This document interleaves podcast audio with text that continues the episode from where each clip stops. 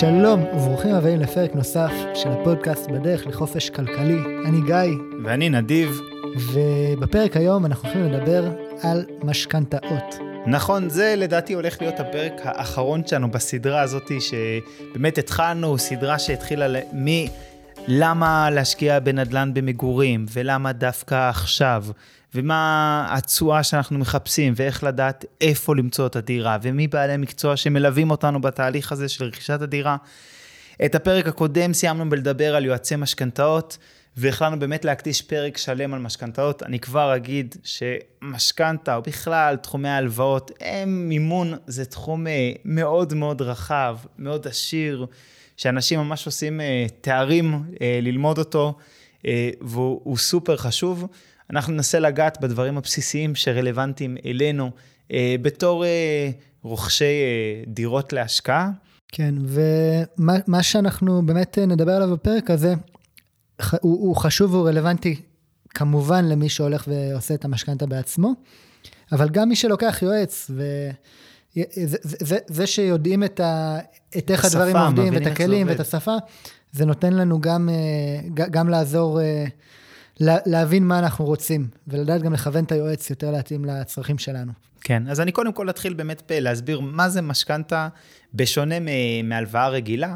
האמת היא שמשכנתה מאוד מאוד דומה לכל סוג של הלוואה. זו הלוואה שהיא יחסית אה, ארוכה, יחסית גדולה לאדם הממוצע, אה, היא בסכומים של מאות אלפי שקלים, אם לא מיליונים.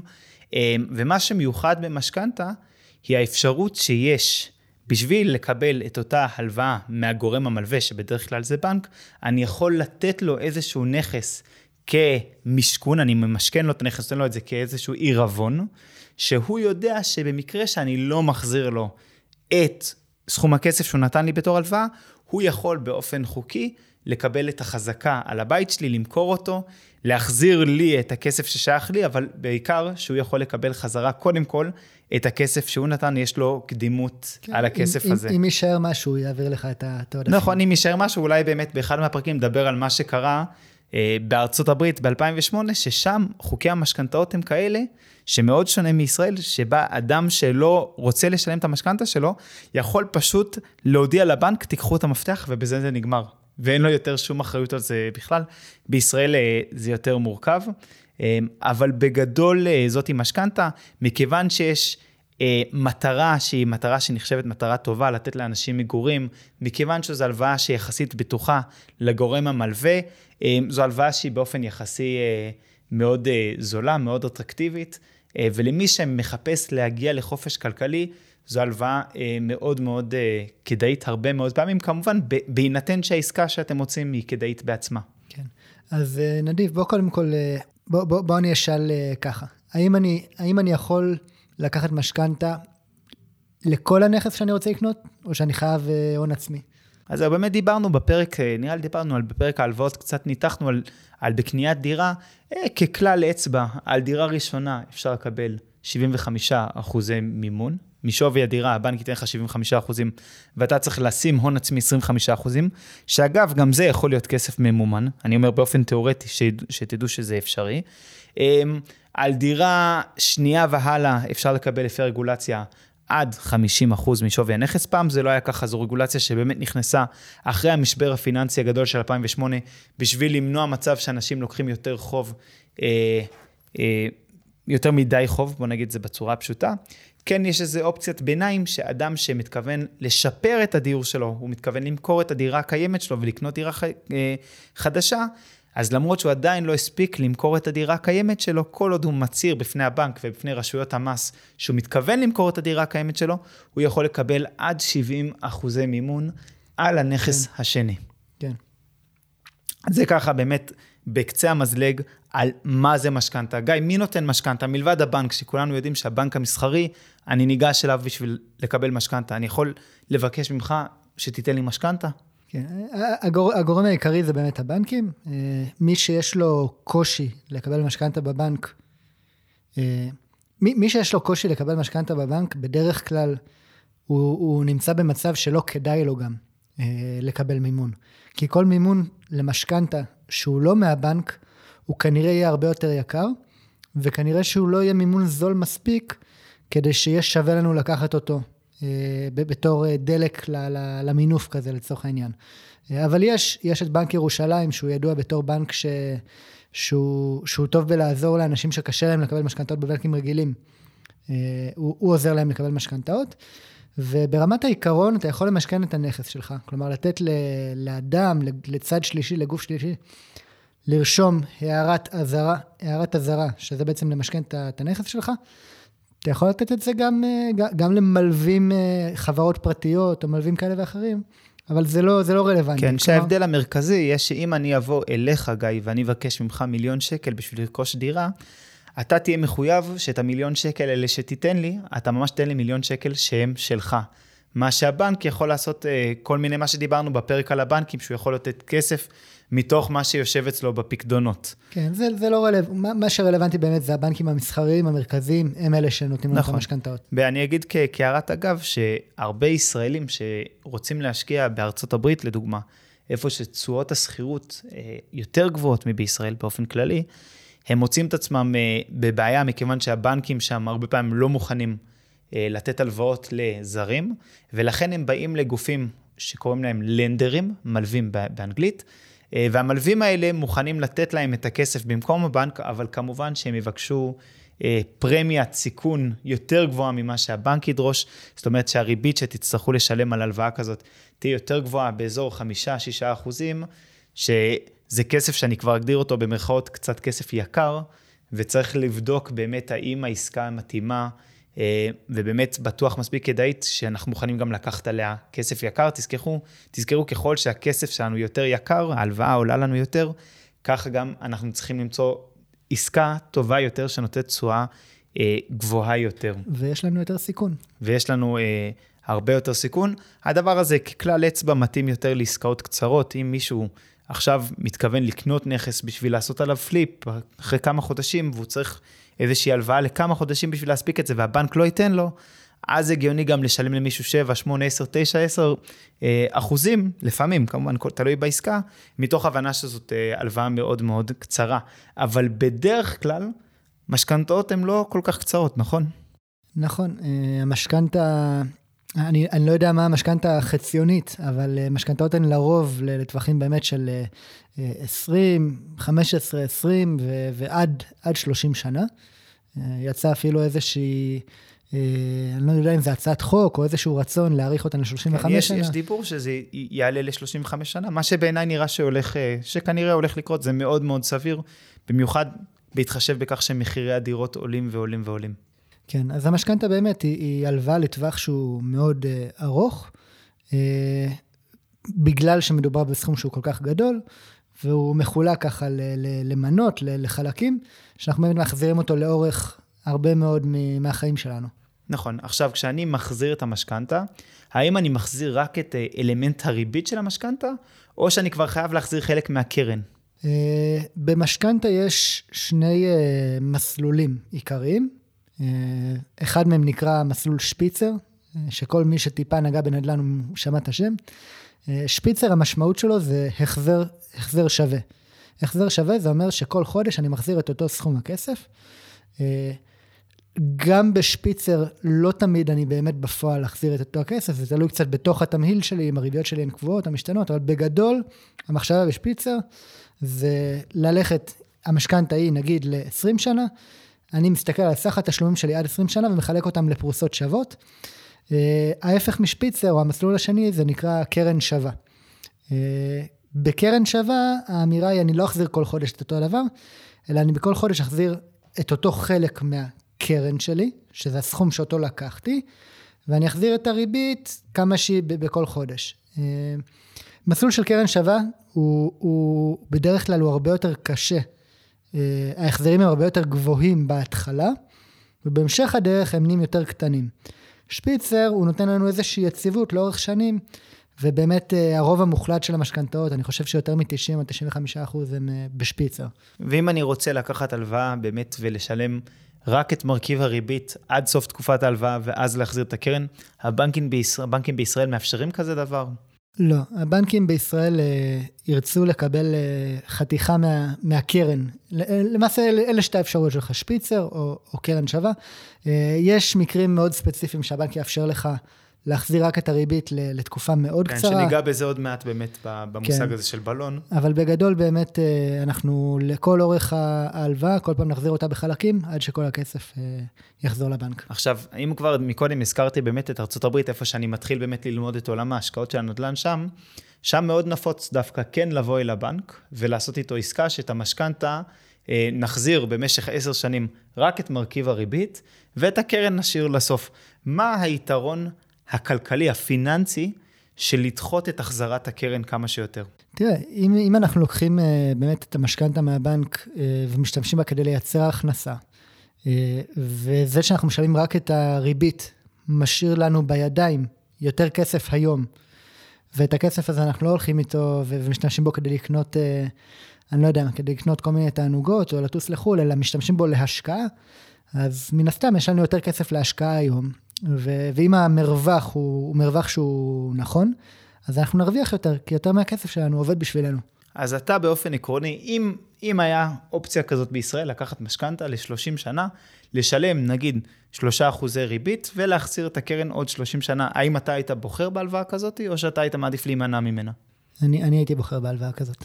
נכון, אני... חד וחלק, מכיוון שההחזרים החודשיים יהיו נמוכים יותר, כי אם רק, יש בהם רק את הריבית בלי האלמנט של הקרן, ולכן זה משאיר לנו יותר כסף פנוי להשקעות אחרות.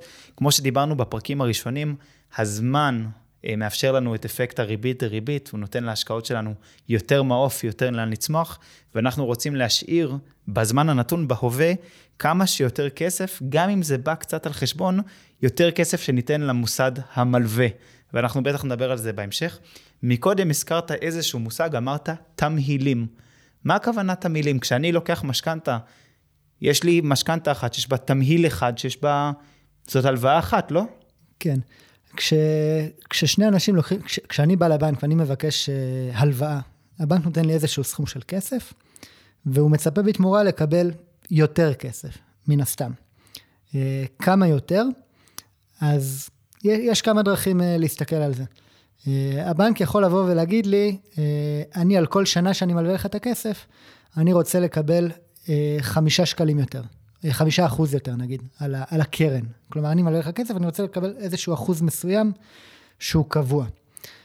עכשיו, לנו זה נראה מאוד טבעי ומאוד הגיוני, שכשאנחנו לוקחים הלוואה, אנחנו נדע מראש מה הריבית שאנחנו משלמים. כי הלוואה של שלושה אחוז אני אקח, אבל הלוואה של עשרה אחוז אני לא אקח. אבל המצב בפועל הוא כזה שהבנק מציע לנו כמה אפשרויות. למעשה הבנק אומר לנו, תשמעו, אתם יכולים לקחת הלוואה בריבית שהיא קבועה, כלומר, אה, אני מסכם איתכם מראש על ריבית של 3%, 4%, 5%, והבנק יכול לבוא ולהגיד, תשמעו, אני מציע לכם ריבית שהיא משתנה. למה שהבנק יציע לנו ריבית שהיא משתנה? כי הבנק, הכסף שהוא מגייס והכסף שהוא משתמש בו לצורך המשכנתאות שלנו, הוא מגיע מכל מיני מקורות שונים. וחלק מהמקורות האלה שה, שהכסף הזה מגיע, הם מקורות שהבנק מקבל אותם באופן שהוא קבוע, וחלקם מקומות, מקומות שהבנק מקבל אותם באופן שהוא משתנה. אז הבנק יש לו אינטרס מצד אחד לתת הלוואות שהן בריבית קבועה, מצד שני לתת הלוואות בריבית שהיא משתנה, כי זה נותן לו איזשהו איזון ביחס למקורות מימון שלו. ואז כשהבנק יבוא ויציע לי איזה משכנתה אתה רוצה, אז יש כל מיני אפשרויות, ותכף ניגע באמת באותן אפשרויות. אה, כל אפשרות כזאת קוראים לה תמהיל למעשה. תמהיל הוא מהם תנאי, ה... מה... התמהיל אומר מהם תנאי ההלוואה שאני הבנק נותן לך, ובתור אדם פרטי שבא לקחת משכנתה, בדרך כלל אני אקח לא רק תמהיל אחד, כלומר, לא, לא רק מסלול אחד למעשה, אלא התמהיל הוא, הוא השילוב של כמה וכמה מסלולים שפועלים בצורה קצת שונה. בדיוק, ו... בדיוק. התמהיל מוהל בתוכו את כל המסלולים. כשאני בא לקחת משכנתה מהבנק, למרות שזה נדמה לי שאני לוקח הלוואה אחת, בעצם מבחינת הבנק, בדרך כלל אני לוקח לפחות שניים, אם לא שלושה וארבעה הלוואות שונים, שכולם כלולים בתוך המשכנתה. כל אחד מההלוואות האלה יש לו מאפיינים אחרים מבחינת אורך הזמן של ההלוואה ואופן ההחזר של ההלוואה. אה, ואנחנו באמת נדבר על כל אחד מסוגי ההלוואות השונים, שבונים יחד את התמהיל הסופי שבאמת אם מוצאים תמהיל נכון, הרבה פעמים יועצי משכנתה אומרים, התמהיל הנכון הוא זה שחוסך לך כסף, אנחנו גם קצת נתווכח עם האמירה הזאת בטח בהמשך. כן. אז אה, נדיב, בוא, בוא תספר לנו איזה מסלולים קיימים אה, לבחירה בתמהיל שלנו. אוקיי, okay, באמת אה, יש הרבה מאוד מסלולים, אני אגע רק במרכזיים שבהם, אה, הנפוצים שבהם. אה, יש עשרות אה, מסלולים אה, שונים, ובאמת אה, לרוב האנשים לדעתי הם לא יותר מדי רלוונטיים, אבל הבנק אה, נותן את האופציות האלה. בכל מקרה, המאוד נפוץ היא אה, משכנתה שהיא במסלול אה, קבועה צמודה, אוקיי? מה קבוע ומה צמוד? קבוע זה הצד של הריבית, זאת אומרת, אם אני באתי אל הבנק ואמרתי, אני רוצה משכנתה, ואמרו לי, בוא קח בקבועה צמודה ב-3% ריבית, אני יודע שה-3% ריבית, התשלום שאני משלם על הכסף, המחיר של הכסף, נשאר אותו דבר לאורך כל תקופת ההלוואה, אבל אני גם יודע שהיא צמודה. למה היא צמודה? היא צמודה למדד המחירים לצרכן. הבנק לוקח בחשבון שיכולה להיות אינפלציה בעתיד, הוא לא רוצה, הוא במצב שיש, שהבנק יודע שאם תהיה הרבה מאוד אינפלציה, ועכשיו שווי הכסף ירד, אז אם זה לא, ההלוואה שלי לא תהיה צמודה, למרות שהריבית היא צמודה בפועל, מבחינת כוח הקנייה, כוח ההחזר שאני נותן לבנק, אני נותן לבנק פחות ופחות עם הזמן.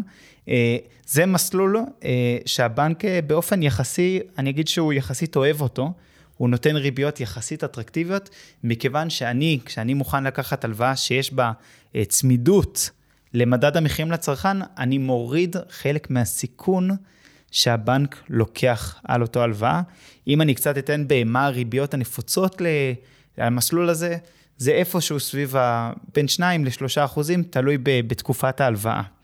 עכשיו, יש גם מה שנקרא קבועה לא צמודה, בלשון העם קוראים לה קל"צ, היא מאוד מאוד פופולרית, היא מאוד אהובה על אנשים, אה, מכיוון שהיא הכי פשוטה גם כן להבנה, והיא הסכמה ביני לבין הבנק שהחלק הזה מהתמהיל, המסלול הזה של המשכנתה, הוא כסף שאני לוקח בריבית שלא משתנה לאורך כל חיי המשכנתה, וזה לא משנה אם יש אינפלציה, דיפלציה, זה לא רלוונטי, ההחזר שלי נשאר אותו דבר, הוא לא משתנה לעולם.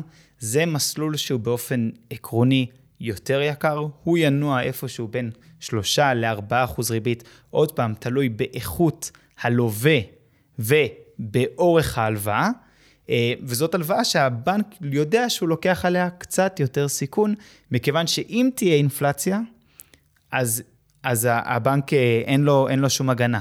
אה, אני מצד שני, כשאני משלם את המסלול הזה, אני כאילו במרכאות משלם איזשהו ביטוח, פרמיית ביטוח לבנק. כשאני אומר לבנק, אני מוכן לשלם לכם ריבית קצת יותר גבוהה ממה שאני יודע שתיתנו לחבר שלי שלוקח במסלול משתנה או צמוד למדד, אבל שווה לי לשלם עוד 25% יותר, 30% יותר בריבית, זאת אומרת, אני מייקר את ההלוואה שלי באופן דרמטי בשביל אותו אה, ביטחון. אז זה באמת המסלול של הקבוע לא צמוד. אה, יש מסלול שנקרא משתנה צמוד. אה, אני לא אגיד פה מילים גסות, אבל לפעמים קוראים לו, אה, אני לא אקרא איך קוראים למסלול הזה, אבל הוא מסלול שהוא מאוד מאוד זול, הבנקים מאוד מאוד אוהבים אותו.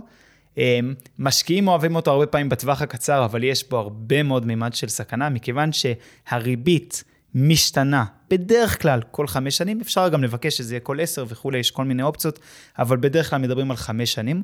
זאת אומרת, אם הריבית עכשיו, אני היום לקחתי הלוואה בריבית אה, משתנה צמודה, והיום הריבית היא שלושה אחוזים. ונכנסנו לאיזשהו גל אינפלציוני, וגם מדד המחירים לצרכן טס, וגם, אה, וגם הריביות בעקבות כך עולות כלפי מעלה, בנק ישראל מעלה את הריביות במשק בשביל להאט, לבלום את האינפלציה, אז הבנק יבוא אליי בתום חמש שנים, יגיד, תשמע, נכון שאתה לקחת את ההלוואה ב-3% ובמדד מחירים לצרכן שהוא X, אבל עכשיו זה הרבה יותר יקר, הריבית עכשיו קפצה להיות 5, 6, 7 אחוז, מה שהיא לא תהיה הריבית אה, במשק, כאילו תוספת של, אותה, של אותו מספר, פלוס ההצמדה למדד, אה, זו ריבית שהיא מאוד מאוד אה, מסוכנת. היא כדאית לפעמים בטווחי זמן הקצרים, אם אני יודע שיש איזשהו נכס שאני בכל מקרה מתכוון למכור אותו בתוך שנתיים, אז יכול מאוד להיות שהגיוני לי להגיד, טוב, אני לוקח את הסיכון שהריבית תעלה, כי בכל מקרה יש לי חמש שנים עד שזה ישתנה, אמ, אבל אה, אנשים שלוקחים מסלול כזה של ריבית ל-30 שנה, הרבה פעמים מה שיושב להם מאחורה של הראש, זה שמקסימום אני מחזר את המשכנתה, ואנחנו נדבר על איך בדיוק ממחזרים, איך מחזירים את המשכנתה לבנק בשביל לקחת משכנתה אחרת, במצב שהריביות אה, יעלו. גם לדבר הזה יש חסרונות, כי בבוא היום, אם באמת הריביות במשק יעלו והאינפלציה תעלה, ואז תבוא לבנק ותגיד, אני רוצה את המסלול הבטוח של הקבוע לא צמוד, הבנק כמובן יתמחר את המסלול הזה הרבה הרבה יותר יקר. אה, ככלל אצבע, אני קצת סוטה מהנושא, אבל ככלל אצבע, בשווקים הפיננסיים, אה, כשאנשים אה, הם תאבי רווחים, תאבי כוח, תאבי הצלחה, הם באופן כללי נוטים להמעיט בחשיבותו של הביטחון, של ה... לשים איזשהו רצפה מתחת להפסדים שלהם, מתחת לסיכון שלהם, וזה בדרך כלל גם הזמנים שהביטוח הזה, ההגנה היא הכי זולה. כשאנשים אה, ירוצו כולם אה, לעבר הביטחון, בדרך כלל הביטחון יהיה הרבה יותר יקר. אנחנו בטח נדבר על זה עוד המון במהלך הפודקאסט. גיא, יש לך איזה הערה על מה שאמרנו עד עכשיו? כן, אה, כמו, כמו שאמרת, באמת, אנחנו, אנחנו רוצים לקנות את הביטוח כשהוא זול, ואנחנו קצת אה, משתפים פה ש... בעינינו הביטוח היום הוא יחסית זול. כן, אנחנו באמת גם ניגע בזה בהמשך של הפודקאסט, איך אנחנו ניגשים לסיפור הזה של המשכנתה. אמ, אז דיברנו על המשתנה צמודה, יש גם משתנה שהיא לא צמודה, אותו דבר, הריבית משתנה כל חמש שנים, אבל היא לא צמודה למדד המחירים לצרכן. גם פה הריביות יהיו בין 2 ל-3 אחוזים. אה, זה מסלול שהבנק יחסית אוהב, הוא מסלול שהוא יותר רווחי לבנק, יותר בטוח לבנק. אמ, אנחנו גם פה רוצים לשים לב שיש לו איזשהו סיכון. אמ, הבנק, הבנק בגדול, אה, כשהוא נותן הלוואה, הבנק, כמובן שהבנק רוצה שתעמדו בהחזר והוא רוצה לקבל את הכסף חזרה. אין לבנק אה, רצון ואינטרס אה, ש, שמישהו ייכשל בהלוואה שלו, והבנק יבוא עכשיו ויממש את הנכס ו, וימכור אותו למרבה במחיר. זה, זה עושה לבנק נזק תדמיתי, זה עולה לבנק בכוח אדם, ב... הבנק מאוד רוצה להימנע מזה. זה לא העסק של הבנק. באמת, הבנק תופס את עצמו כעסק של למכור כסף. לא כעסק של כונס נכסים ומוכר נכסים. אה, והבנק יעשה סלטות באוויר, ראינו את זה עכשיו בתקופה של הקורונה, אה, בשביל אה, לא למצוא את עצמו עם המון המון נכסים. בכללי, אני אגיד עוד איזה הערת אגב, שהמערכת הפיננסית בישראל מאוד מאוד מושתתת על אשראי למגורים, בעצם משכנתאות, ו... היציבות הפיננסית פה מאוד מאוד תלויה בכך שמחירי הנכסים הפיננסיים, הנכסים הנדל"ניים, לא יורדים אה, בצורה חדה, זה יפגע קשה מאוד במשק, כי יש הרבה מאוד פקדונות, ערבונות שבאמת תלויים במחירים האלה של הנדל"ן, אה, ו- ולכן באמת לאף אחד אין, אין אה, רצון לממש. כן. חלק מהתמחור, כשהבנק בא ונותן לנו הצעת מחיר באמת לגבי התמהיל שלנו, לגבי המסלולים השונים, אז דיברנו על זה שהקל"צ הוא מסלול שבעיקר מגן עלינו, שהמסלול המשתנה הצמוד בעיקר מגן על הבנק, והבנק הכי, הבנק ייתן לנו את ההצעה שהיא כביכול הכי אטרקטיבית, על איזשהו מסלול שמשלב את שלושתם, כי, או את, משלב כמה מסלולים שונים, שחלקם צמודים, חלקם לא צמודים, חלקם משתנים, חלקם קבועים, כי אז הבנק מרגיש שגם הוא מגדר את החלק שלו, וגם שאתה בתור לווה, אתה לא לוקח יותר מדי סיכון, נכון, ותעמוד בהתחייבות שלך נכון מאוד, הבנק ארוך. לא רוצה שאתה תיקח את ההלוואה סתם ככה שהיא יותר יקרה בשביל שהיא תהיה יותר יקרה, הבנק רוצה לדעת שהוא אה, יקבל את הכסף שלו חזרה. זה, זה דבר ראשון שהוא דואג, ולכן הוא שמח לתת לך ריבית שהיא לא בשמיים, גם אם הוא חושב שאולי הוא יפסיד קצת על הקל"צ, על הקבוע לא צמוד, הוא מוכן לעשות את זה, כי בחישוב הגדול הוא מבין שזה מגן עליו. יפה מאוד, זה באמת נכון. הריבית האחרונה שנדבר עליה היום, והיא ריבית גם מאוד מאוד פופולרית, היא ריבית הפריים. גיא, אתה רוצה להסביר מה זה ריבית פריים? כן, הפריים, הפריים זה, זה סיפור מעניין, ספציפית בישראל. אה, כשאומרים פריים, מתכוונים בעצם לריבית בנק ישראל, פלוס אחוז וחצי. שוב, ריבית בנק ישראל היום היא 0.1 אחוז, ריבית הפריים היום היא 1.6 אחוז. אם ריבית בנק ישראל עולה, הפריים עולה בהתאם. הפריים היא איזושהי ריבית בסיס שהבנקים משתמשים בה לתמחור של משכנתאות. יש מסלול שנקרא פריים, אה, כלומר הבנק נותן לנו אה, אפשרות לקחת חלק מהמשכנתה שלנו במסלול הזה.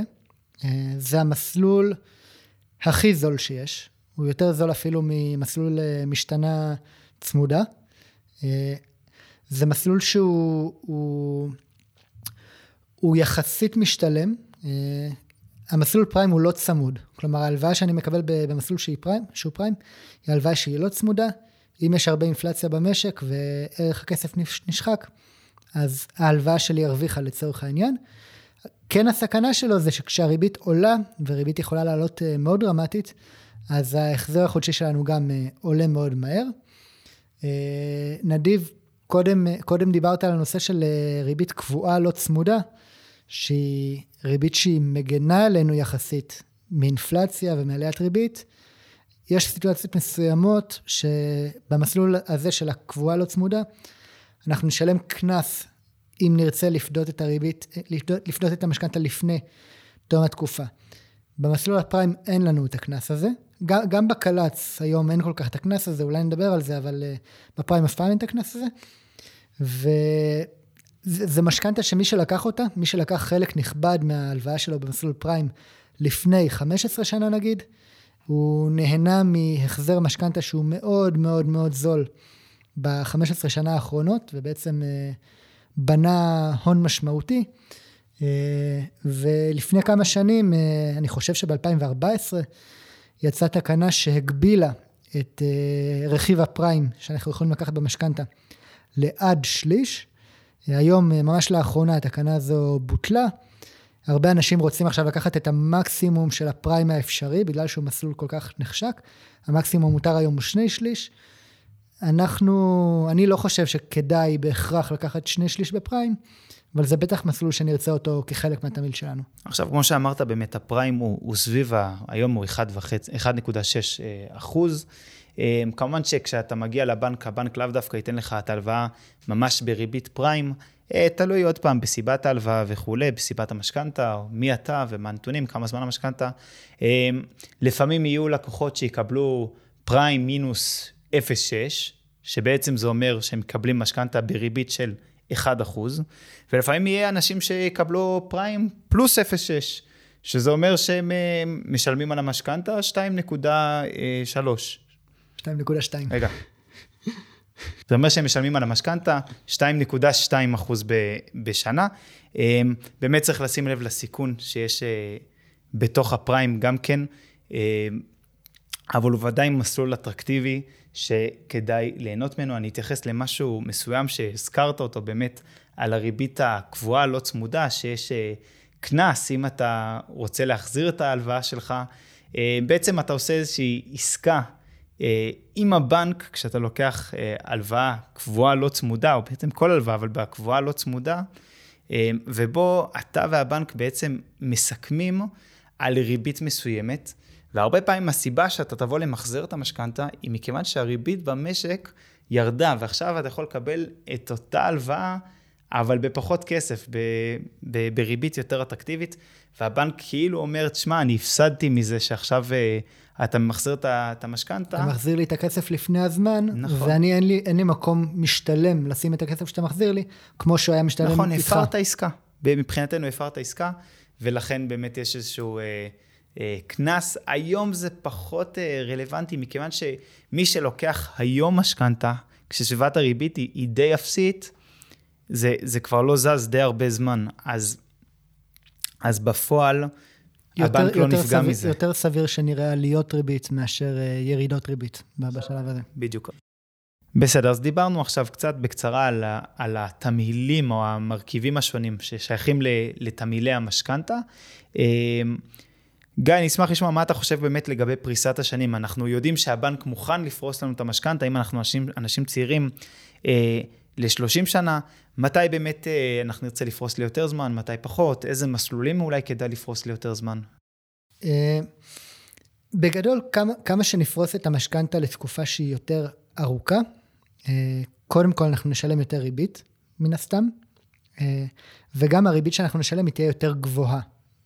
כי כשהבנק מלווה לנו כסף לתקופה שהיא יותר ארוכה, הוא מרגיש שיש פה יותר, יותר סיכון. כי פשוט כי הרבה דברים יכולים לקרות, ב, נגיד ל-30 שנה, הוא לא יודע מה יקרה בתוך ה-30 שנה האלה, אז לרוב, כמה, אז לרוב הריביות ל-30 שנה הן כמובן יהיו יותר גבוהות מריביות לטווחים שהם יותר קצרים.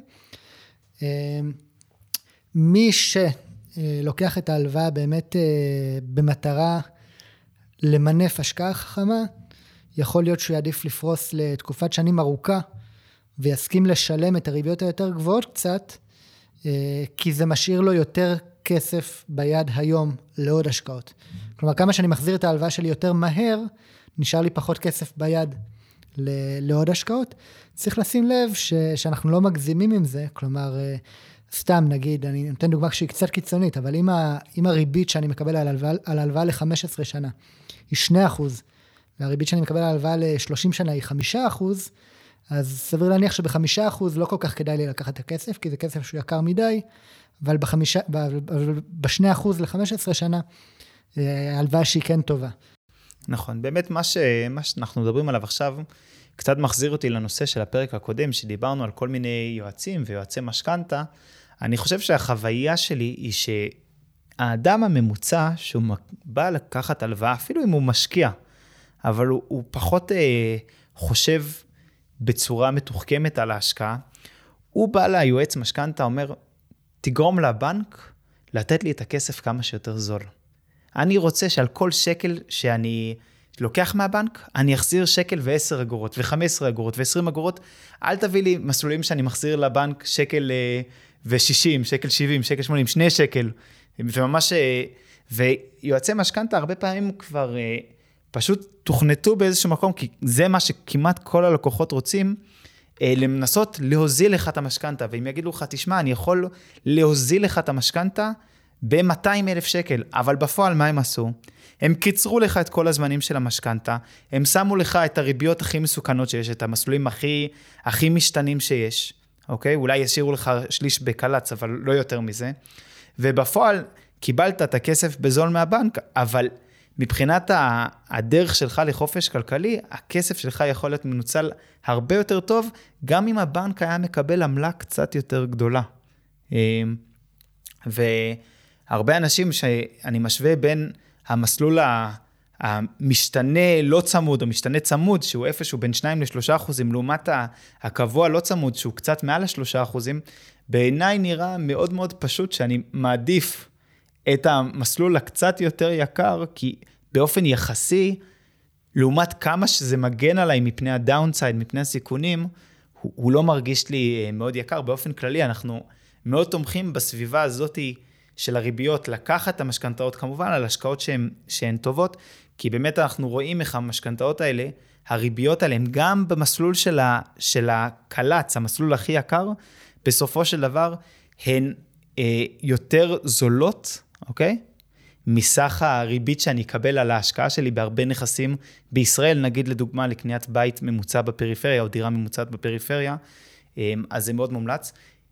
יהיה זמן, כבר מקודם דיברת על מתי שהריבית תהיה חמישה אחוזים, תהיה תקופה, וזה מתישהו, גיא ואני שנינו מאמינים שזה יקרה, שהריביות שוב יהיו יקרות, ובדרך כלל זה אומר שגם זה, אנחנו נמצא את עצמנו באיזשהו מצב כלכלי פחות פשוט, ואז הרבה פעמים יכול להיות שהנכסים דווקא, הפיננסיים, יהיו הרבה יותר זולים היום, אם זה מניות, אם זה נדל"ן, ויכול להיות מצב, וודאי שהיו זמנים כאלה, שהצעד החכם זה דווקא לא לקחת משכנתה מהבנקים. בתקופה שהמשכנתה שקלץ זה 10 או 12 אחוזים בשנה, יכול מאוד להיות שעדיף לך פשוט לקנות את הנכס במזומן, אבל בתקופת זמן שאנחנו נמצאים בה עכשיו, שהריבית היא בשפל היסטורי, שאמרנו שריבית בנק ישראל היא 0.1 אחוז, אמ, גם אם היא תרד לאפס, שזה דבר שיכול לקרות, אנחנו כן רואים את עצמנו מבחינת ה-risk reward, כאילו הסיכון מול הסיכוי, במקום שהסיכוי שלנו להרוויח מריבית נמוכה,